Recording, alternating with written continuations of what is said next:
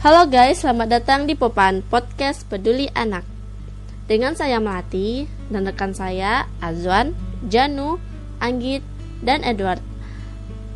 Oke, dalam Popan ini kami akan membicarakan apa itu UNICEF. Sebelum kita masuk ke pembahasan itu, lebih baik kita menyapa rekan-rekan terlebih dahulu. Mak tak kenal maka tak sayang. Oke, yang pertama ada Azwan. Halo Azwan, apa kabar? Gimana nih? Di kos terus nggak bisa ke mana-mana ya social distancing. E, apakah membaik apa apa yang dirasain nggak bisa pulang kampung tahun ini? Cerita sedikit dong gimana rasanya? Halo mbak melati alhamdulillah saya sehat. Ya selama di kosan saya berusaha untuk lockdown ya lockdown di kosan sendiri ya walaupun begitu saya tetap menjalankan aktivitas saya misalnya berkomunitas walaupun melalui kegiatan-kegiatan yang berbasis online ya kurang lebih seperti itu berusaha untuk produktif aja sih mbak Wow, alhamdulillah tetap sehat ya Zan. Terus juga dengan adanya COVID ini tidak menghambat semua kegiatan dan bisa dijalankan dengan online atau menjaga social distancing tadi.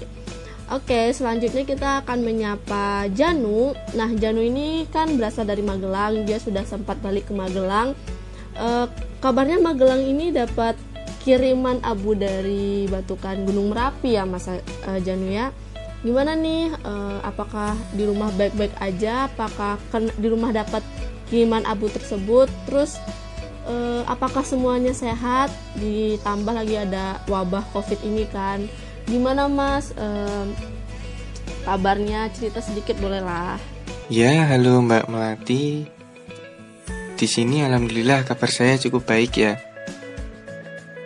Dan memang benar dari beberapa minggu yang lalu saya sudah pulang ke rumah saya yang di Magelang. Dan beberapa hari yang lalu memang itu terjadi erupsi Merapi ya mbak ya. Tapi alhamdulillah abunya nggak tebal kok tetap ke arah Magelang tapi tidak separah yang 2010 lalu jadi Alhamdulillah tidak mengganggu aktivitas seperti biasa lah Alhamdulillah ya Janu ya e, semuanya baik-baik aja dan tidak separah yang tahun-tahun sebelumnya. Oke, selanjutnya setelah Janu kita akan menyapa Anggit. Halo Anggit, apa kabar? Gimana nih e, kabarnya selama di rumah aja? Apa aja rutinitas yang Anggit lakuin selama di rumah aja? Bolehlah cerita-cerita sedikit tentang kegiatan Anggit di rumah selama COVID ini. Ya Alhamdulillah uh, keadaan untuk keadaan saat ini masih diberi kesehatan dan keamanan sih. Kalau untuk rutinitas sehari-hari nah, di rumah sih masih sibuk dengan kuliah online. Nah nanti kalau udah selesai ya bantu-bantu orang tua sama nanti ada kegiatan organisasi remaja baik Karang Taruna maupun kegiatan masjid. Nah kalau di Sari sendiri kan masih terbilang pelosok dan untuk aktivitas masyarakatnya sendiri masih sama seperti hari-hari sebelumnya. Nah mungkin itu aja sih Wah, alhamdulillah ya, Anggit ya. Semoga selalu dalam lindungannya dan semoga keluarga juga sehat-sehat terus. Dan setelah uh, kita menyapa Azwan, Janu dan Anggit, selanjutnya ada Edward Edo atau biasa disapa dengan Edo. Kabarnya nih guys, uh, Edo ini kan kemarin kena ini apa? Dapat musibah kalau dia sakit. Sakit DB ya mas ya. Gimana nih kok bisa kena DB itu gimana caranya?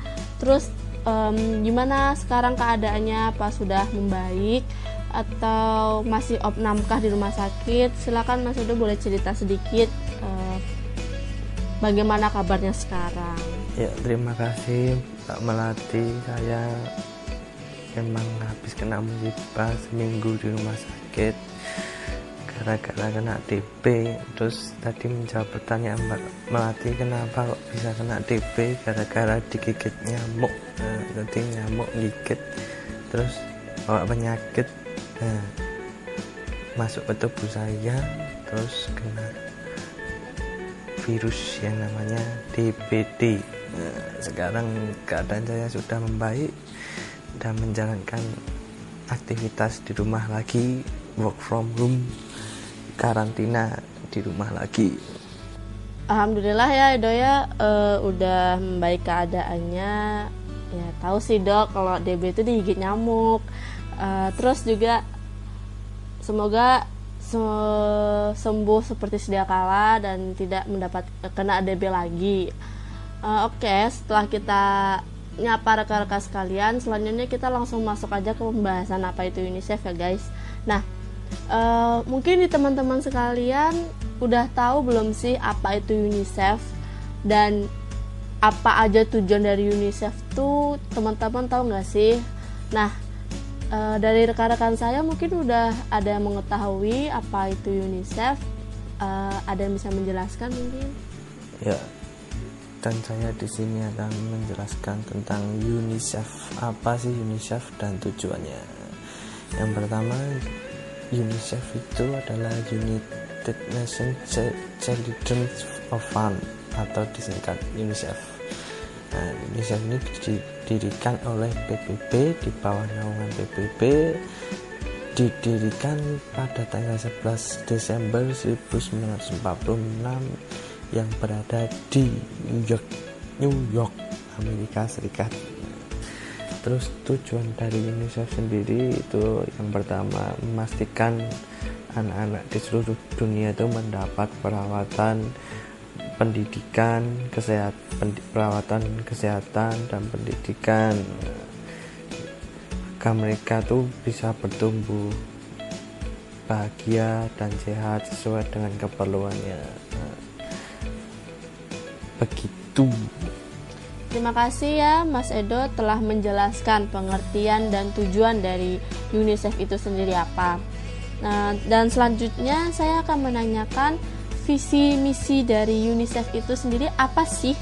Uh, mungkin dari rekan-rekan sekalian ada yang mengetahuinya atau sudah paham sedikit apa itu visi misinya. Ada yang bisa menjelaskan? Ya Mbak Melati, di sini saya akan sedikit menjelaskan mengenai visi dan misi dari UNICEF. Visi dari UNICEF yaitu untuk menciptakan dunia di mana anak dapat bertumbuh sehat, terlindung dari bahaya dan terdidik sehingga anak-anak tersebut dapat mencapai potensi yang mereka miliki.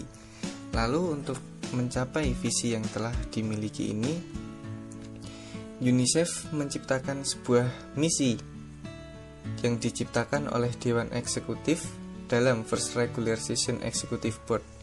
Di sini UNICEF memiliki tujuh misi. Yang pertama, UNICEF diamanatkan oleh Majelis Umum PBB untuk mengadvokasi dengan hak-hak anak serta untuk membantu memenuhi kebutuhan dasar dan memperluas kesempatan anak-anak di seluruh dunia untuk mencapai potensi penuh mereka. Lalu yang kedua, UNICEF dipandu oleh Konvensi Hak-Hak Anak dan berusaha untuk mempertahankan hak-hak anak dalam dan menuntut menuntut adanya kesetaraan gender serta etika di mata dunia internasional. Yang ketiga, UNICEF menegaskan bahwa kelangsungan hidup, perlindungan, dan perkembangan anak adalah pembangunan universal yang merupakan bagian integral dari kemajuan manusia. Yang keempat, UNICEF memobilisasi, memobilisasi kemauan dari sumber daya untuk membantu untuk membantu negara-negara khususnya negara-negara yang berkembang. UNICEF harus memastikan bahwa negara memprioritaskan kepentingan anak-anak Hal ini berguna agar pemerintah setempat dapat membangun kapasitas mereka untuk membentuk kebijakan dengan tepat dan dapat diimplementasikan ke masyarakat dengan baik, sehingga dapat memberikan pelayanan bagi anak-anak beserta keluarga mereka.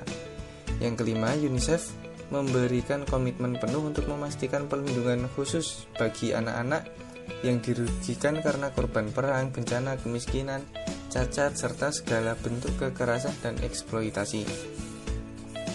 Lalu yang keenam, UNICEF merespon dalam keadaan darurat untuk melindungi hak-hak anak dengan berkoordinasi dengan PBB dan badan kemanusiaan lainnya. Sehingga dengan begitu, UNICEF diharapkan dapat menjadi lebih berkembang dan dapat membuat fasilitas yang lebih baik sebagai respon cepat untuk meringankan beban penderitaan anak-anak dan memberikan perawatan kepada mereka yang membutuhkan. Yang ketujuh, UNICEF adalah organisasi non-partisan sehingga pro program kerjasama dengan pihak luar tidak bersifat diskriminasi yang artinya program kerjasama yang dijalankan oleh UNICEF murni dengan melihat pada prioritas kebutuhan pada suatu negara terutama yang menyangkut hak-hak anak yang di mana hak anak tersebut menjadi korban Lalu UNICEF bekerja sama dengan semua mitranya untuk mencapai perkembangan yang berkelanjutan, berkelanjutan dan merealisasi visi perdamaian dan kemajuan sosial yang tercantum dalam piagam PBB. Jadi dalam pelaksanaan visi dan misi dari UNICEF ini sendiri, mereka tidak sendiri. Mereka eh, UNICEF tetap bekerja sama dengan organisasi-organisasi lainnya dalam mewujudkan dan membantu hak-hak anak yang mem, untuk membantu hak, hak anak yang terancam dan tidak terpenuhi hak-hak tersebut. Terima kasih Mas Janu telah menjelaskan apa itu visi dan misi dari UNICEF itu sendiri. Oke, setelah kita mengetahui pengertian, tujuan, dan visi misi dari UNICEF, selanjutnya kita akan membahas tentang program apa saja yang telah dilakukan atau yang sedang dirancang oleh UNICEF itu sendiri. Mungkin uh, dari rekan saya akan menjelaskan lebih detail apa itu programnya. Silakan uh, Mas Anggit Mungkin Mas Anggit bisa bercerita sedikit tentang program yang telah dicapai atau sedang dirancang oleh uh, UNICEF itu sendiri ya. Ya terima kasih atas waktu yang sudah diberikan.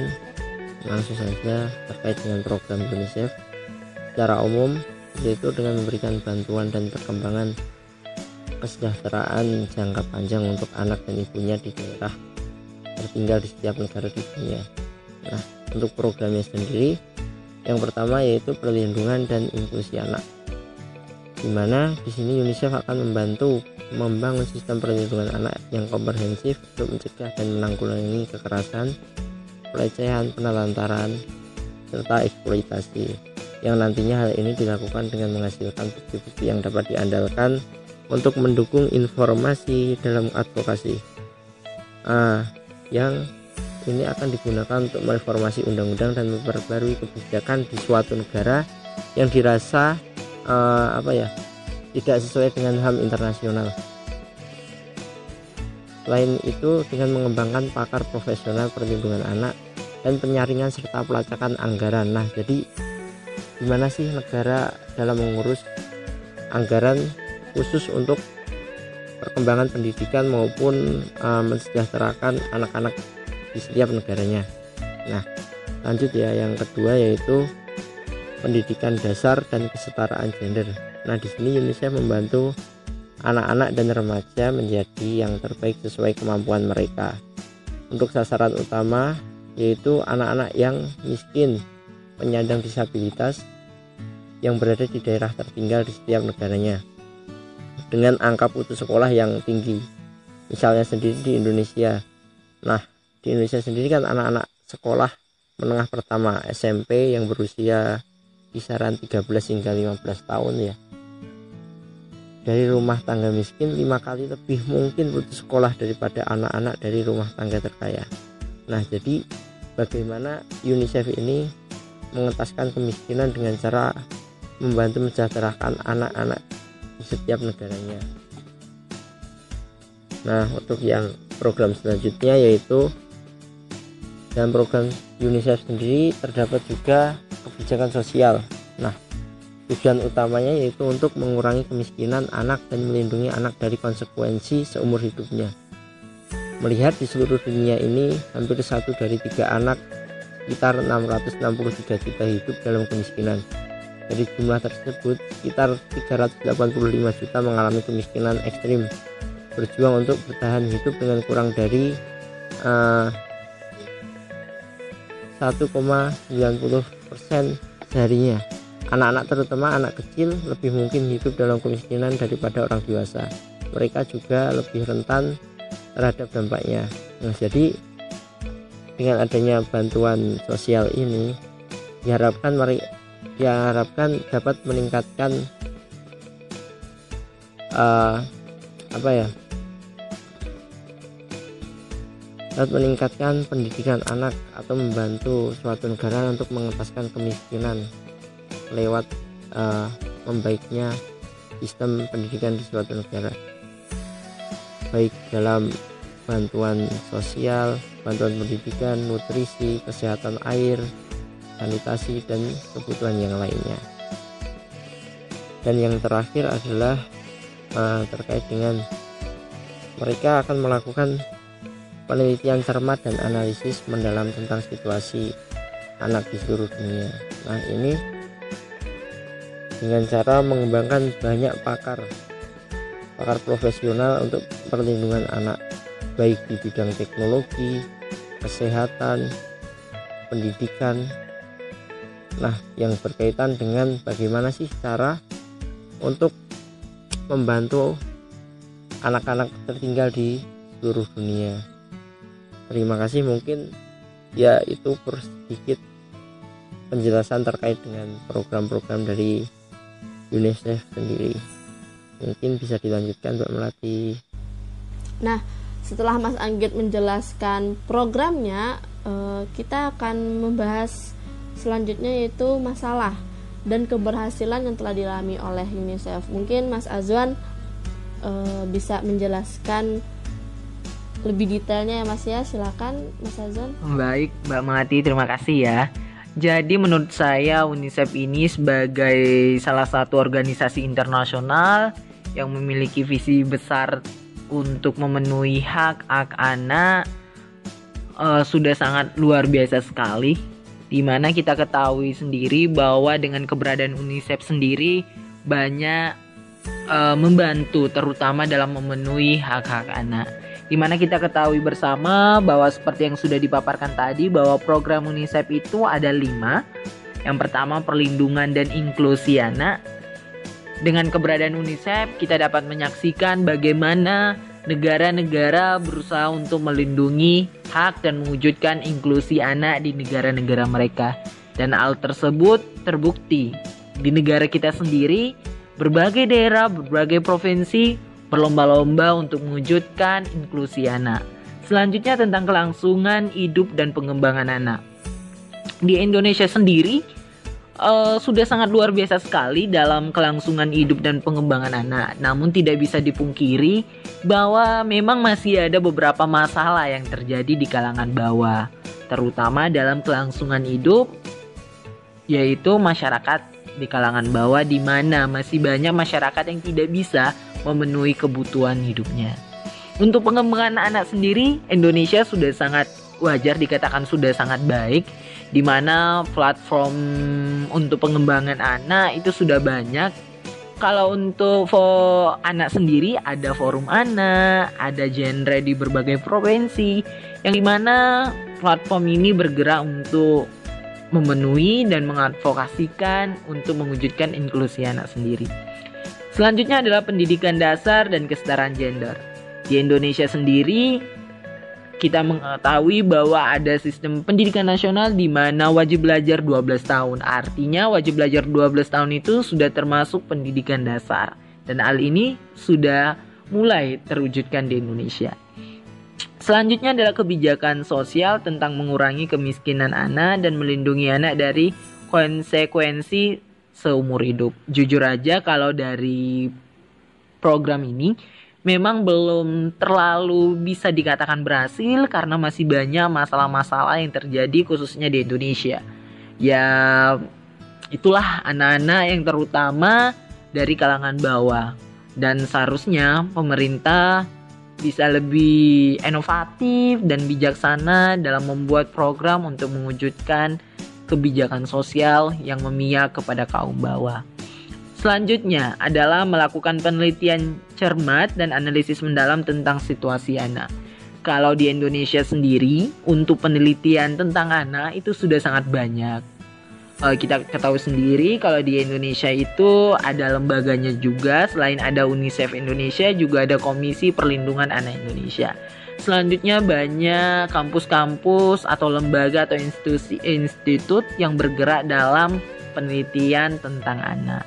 Jadi dapat dikatakan bahwa UNICEF dengan keberadaannya sudah sangat jauh lebih baik karena sangat membantu negara-negara lain. Khususnya Indonesia sendiri, kita bisa melihat bahwa dengan adanya UNICEF, advokasi tentang hak-hak anak itu sudah jauh lebih baik di mana harus memenuhi hak pendidikan, hak kesehatan, hak lingkungan yang baik dan hak-hak yang lainnya dan UNICEF semoga tetap berada pada visi besarnya untuk mewujudkan uh, hak-hak anak khususnya di Indonesia sendiri semoga makin lebih baik lagi.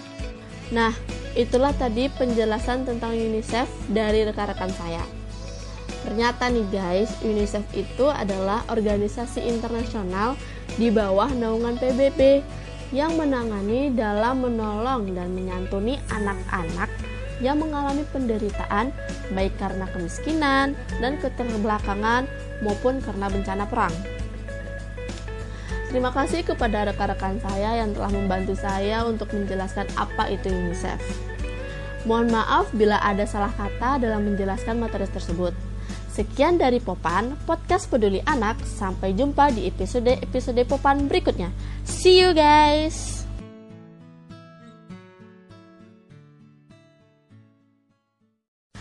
Halo guys, selamat datang di Popan, podcast peduli anak. Dengan saya Melati dan rekan saya Azwan, Janu, Anggit, dan Edward. Oke, dalam popan ini kami akan membicarakan apa itu UNICEF. Sebelum kita masuk ke pembahasan itu, lebih baik kita menyapa rekan-rekan terlebih dahulu. Mak tak kenal maka tak sayang. Oke, yang pertama ada Azwan. Halo Azwan, apa kabar? gimana nih di kos terus nggak bisa ke mana-mana ya social distancing e, apakah baik apa apa yang dirasain nggak bisa pulang kampung tahun ini cerita sedikit dong gimana rasanya halo mbak melati. Alhamdulillah saya sehat. Ya selama di kosan saya berusaha untuk lockdown ya. Lockdown di kosan sendiri. Ya walaupun begitu saya tetap menjalankan aktivitas saya. Misalnya berkomunitas walaupun melalui kegiatan-kegiatan yang berbasis online. Ya kurang lebih seperti itu. Berusaha untuk produktif aja sih mbak Wah, alhamdulillah tetap sehat ya, Zan. Terus juga dengan adanya COVID ini tidak menghambat semua kegiatan dan bisa dijalankan dengan online atau menjaga social distancing tadi.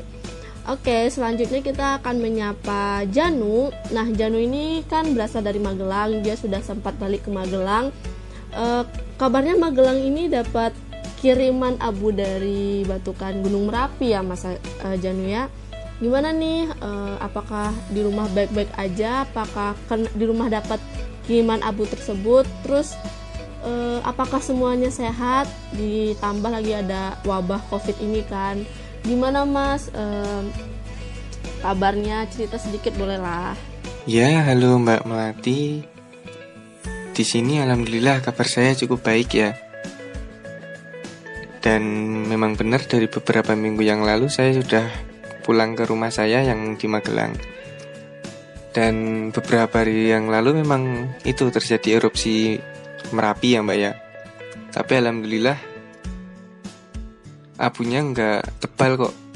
Tetap ke arah Magelang tapi tidak separah yang 2010 lalu. Jadi Alhamdulillah tidak mengganggu aktivitas seperti biasa lah Alhamdulillah ya Janu ya. E, semuanya baik-baik aja. Dan tidak separah yang tahun-tahun sebelumnya Oke selanjutnya setelah Janu kita akan menyapa Anggit Halo Anggit, apa kabar? Gimana nih uh, kabarnya selama di rumah aja?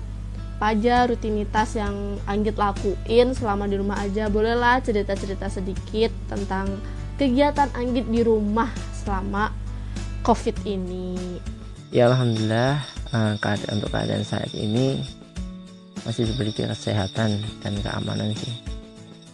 Kalau untuk rutinitas sehari-hari nah, di rumah sih masih sibuk dengan kuliah online nah nanti kalau udah selesai ya bantu-bantu orang tua sama nanti ada kegiatan organisasi remaja baik Karang Taruna maupun kegiatan masjid nah kalau di Gedang Sari sendiri kan masih terbilang pelosok dan untuk aktivitas masyarakatnya sendiri masih sama seperti hari-hari sebelumnya nah mungkin itu aja sih Wah, alhamdulillah ya Anggit ya. Semoga selalu dalam lindungannya dan semoga keluarga juga sehat-sehat terus dan setelah uh, kita menyapa Azwan, Janu dan Anggit, selanjutnya ada Edward Edo atau biasa disapa dengan Edo.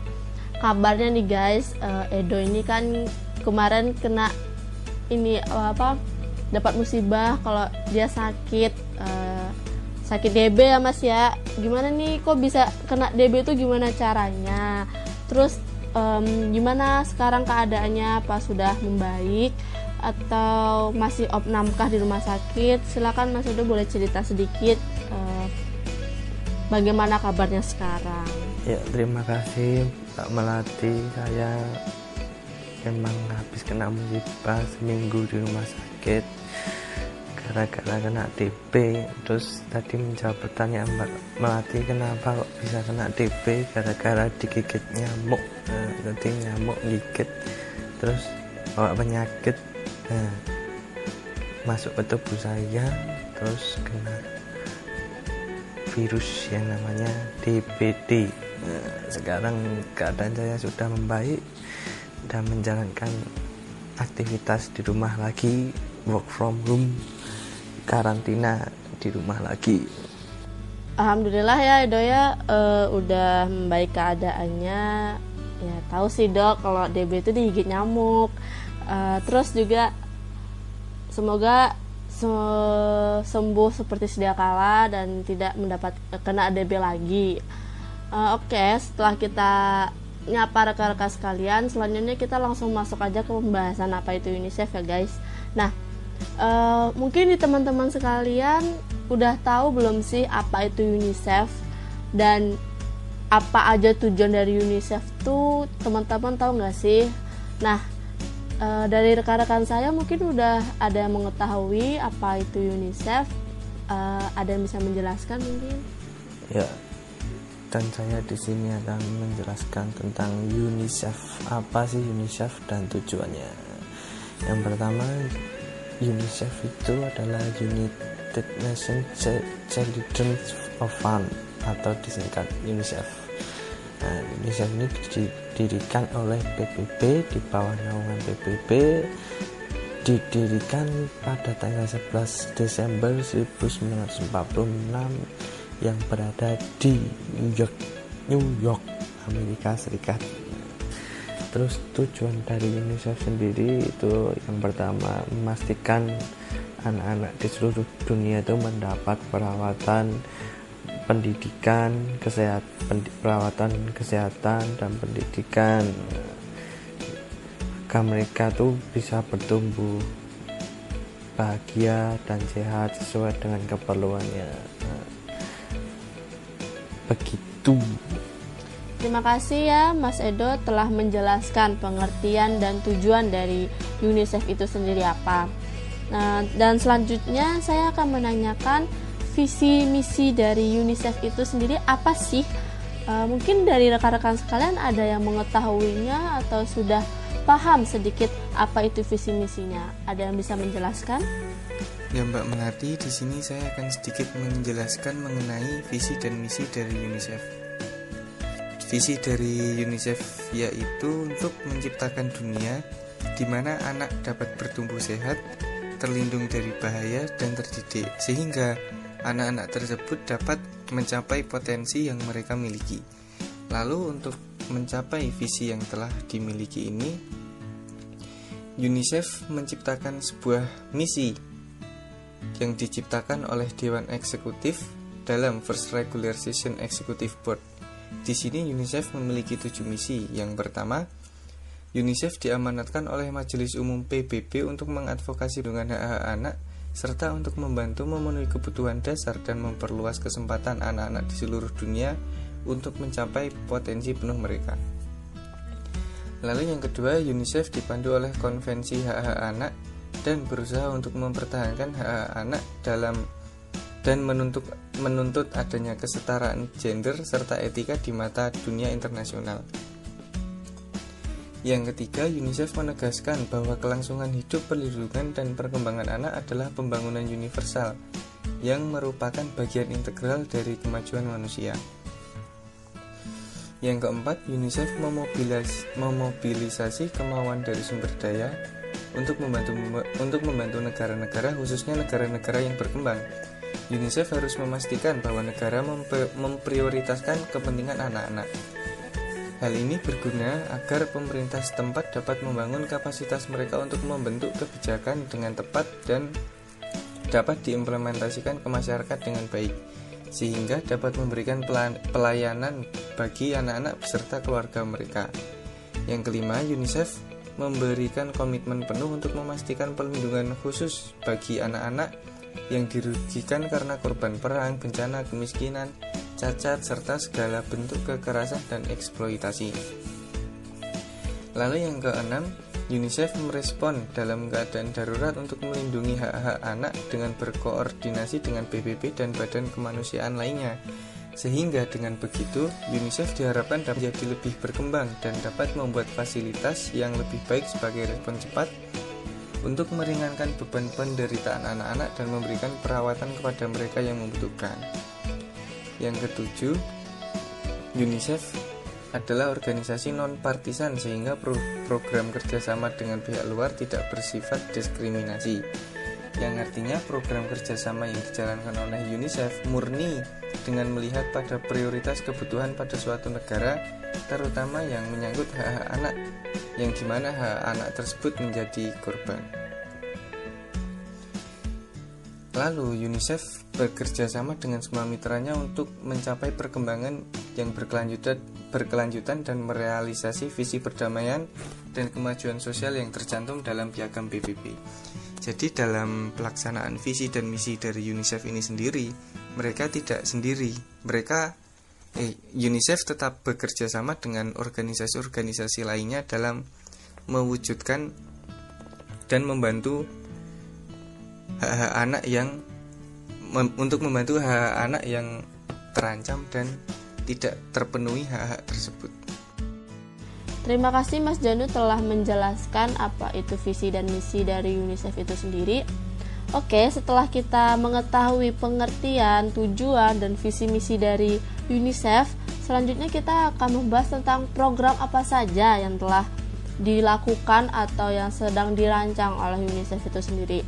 Mungkin uh, dari rekan saya akan menjelaskan lebih detail apa itu programnya. Silakan uh, Mas Anggit.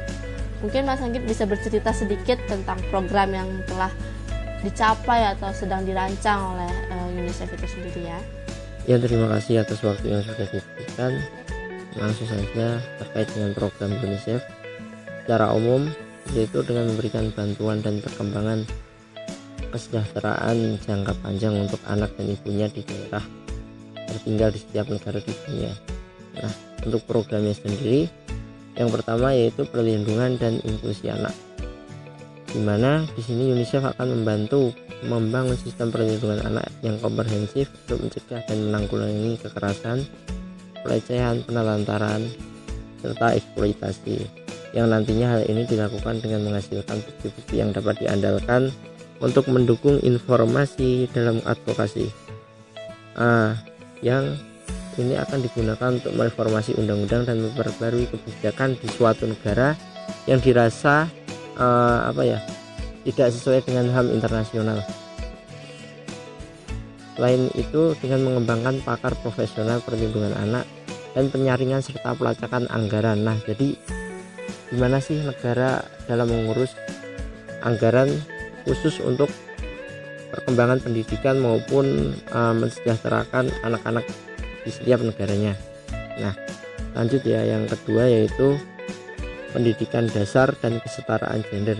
Nah, di sini UNICEF membantu anak-anak dan remaja menjadi yang terbaik sesuai kemampuan mereka. Untuk sasaran utama yaitu anak-anak yang miskin, penyandang disabilitas yang berada di daerah tertinggal di setiap negaranya dengan angka putus sekolah yang tinggi. Misalnya sendiri di Indonesia. Nah, di Indonesia sendiri kan anak-anak sekolah menengah pertama SMP yang berusia kisaran 13 hingga 15 tahun ya.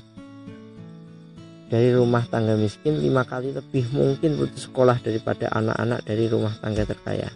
Nah, jadi bagaimana UNICEF ini mengentaskan kemiskinan dengan cara membantu mensejahterakan anak-anak di setiap negaranya.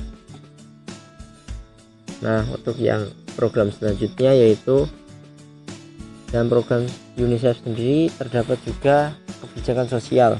Nah, tujuan utamanya yaitu untuk mengurangi kemiskinan anak dan melindungi anak dari konsekuensi seumur hidupnya. Melihat di seluruh dunia ini hampir satu dari tiga anak sekitar 663 juta hidup dalam kemiskinan. Dari jumlah tersebut, sekitar 385 juta mengalami kemiskinan ekstrim berjuang untuk bertahan hidup dengan kurang dari uh, 1,90% seharinya. Anak-anak terutama anak kecil lebih mungkin hidup dalam kemiskinan daripada orang dewasa. Mereka juga lebih rentan terhadap dampaknya. Nah, jadi dengan adanya bantuan sosial ini diharapkan mereka diharapkan dapat meningkatkan uh, apa ya dapat meningkatkan pendidikan anak atau membantu suatu negara untuk mengentaskan kemiskinan lewat uh, membaiknya sistem pendidikan di suatu negara baik dalam bantuan sosial, bantuan pendidikan, nutrisi, kesehatan air, sanitasi, dan kebutuhan yang lainnya.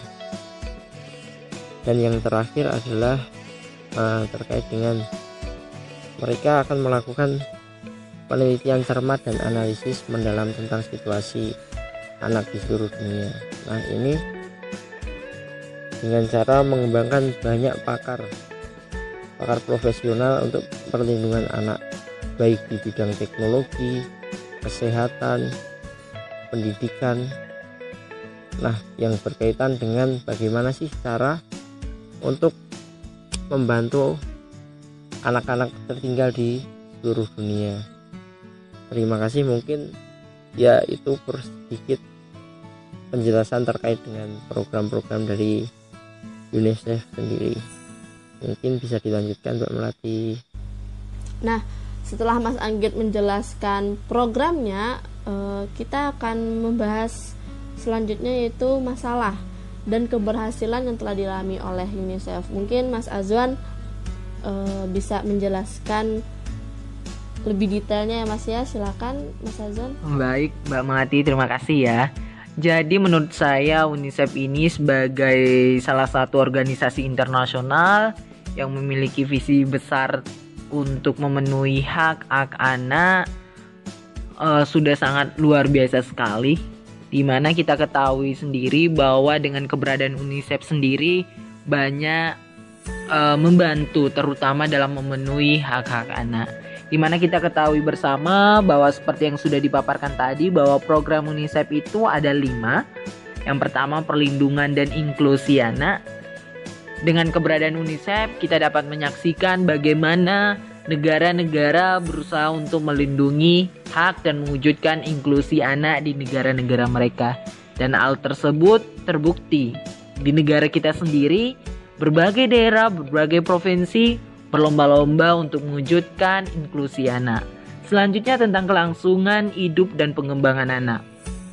Di Indonesia sendiri uh, sudah sangat luar biasa sekali dalam kelangsungan hidup dan pengembangan anak. Namun tidak bisa dipungkiri bahwa memang masih ada beberapa masalah yang terjadi di kalangan bawah, terutama dalam kelangsungan hidup yaitu masyarakat di kalangan bawah di mana masih banyak masyarakat yang tidak bisa memenuhi kebutuhan hidupnya.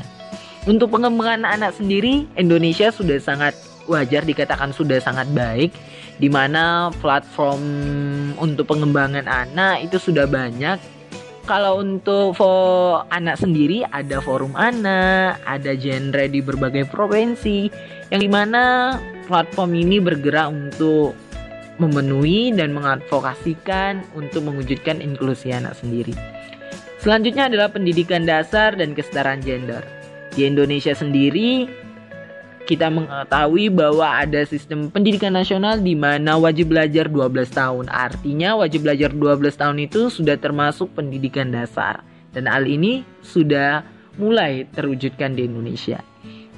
Selanjutnya adalah kebijakan sosial tentang mengurangi kemiskinan anak dan melindungi anak dari konsekuensi seumur hidup. Jujur aja kalau dari program ini memang belum terlalu bisa dikatakan berhasil karena masih banyak masalah-masalah yang terjadi khususnya di Indonesia. Ya itulah anak-anak yang terutama dari kalangan bawah dan seharusnya pemerintah bisa lebih inovatif dan bijaksana dalam membuat program untuk mewujudkan kebijakan sosial yang memihak kepada kaum bawah. Selanjutnya adalah melakukan penelitian cermat dan analisis mendalam tentang situasi anak. Kalau di Indonesia sendiri, untuk penelitian tentang anak itu sudah sangat banyak. Uh, kita ketahui sendiri kalau di Indonesia itu ada lembaganya juga selain ada UNICEF Indonesia juga ada Komisi Perlindungan Anak Indonesia. Selanjutnya banyak kampus-kampus atau lembaga atau institusi institut yang bergerak dalam penelitian tentang anak.